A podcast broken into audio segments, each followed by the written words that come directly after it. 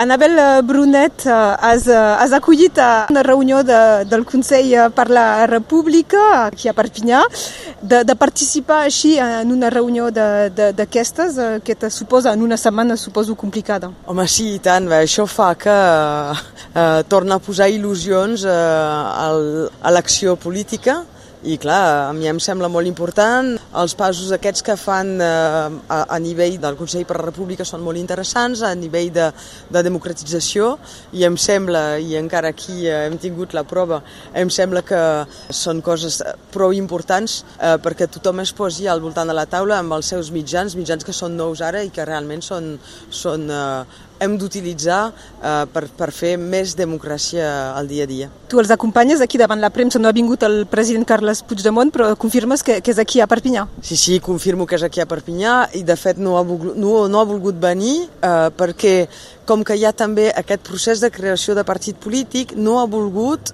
barejar les dues coses perquè realment és prou important aquesta voluntat de tirar endavant amb eines més democràtiques a nivell del Consell per la República, doncs eh, ell ha volgut eh, separar les dues coses per no eh, per guardar, si vols, potència en aquesta, en aquesta informació. Uh, Anabel, per tornar a l'actualitat perpinyanesa, el Jean-Marc Pujol ja ha anunciat que no, no serà al, al Consell Municipal. Series la primera, acceptes tu de, de, de sèrie el Consell Municipal? A, veure, a l'oposició? I tant, serà l'oposició, de fet, perquè clar, demitit o demitirà el Joan-Marc Pujol.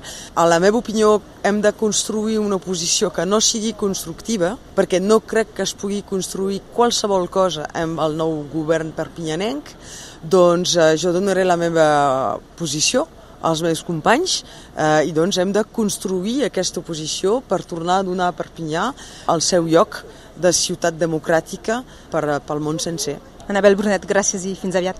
Gràcies.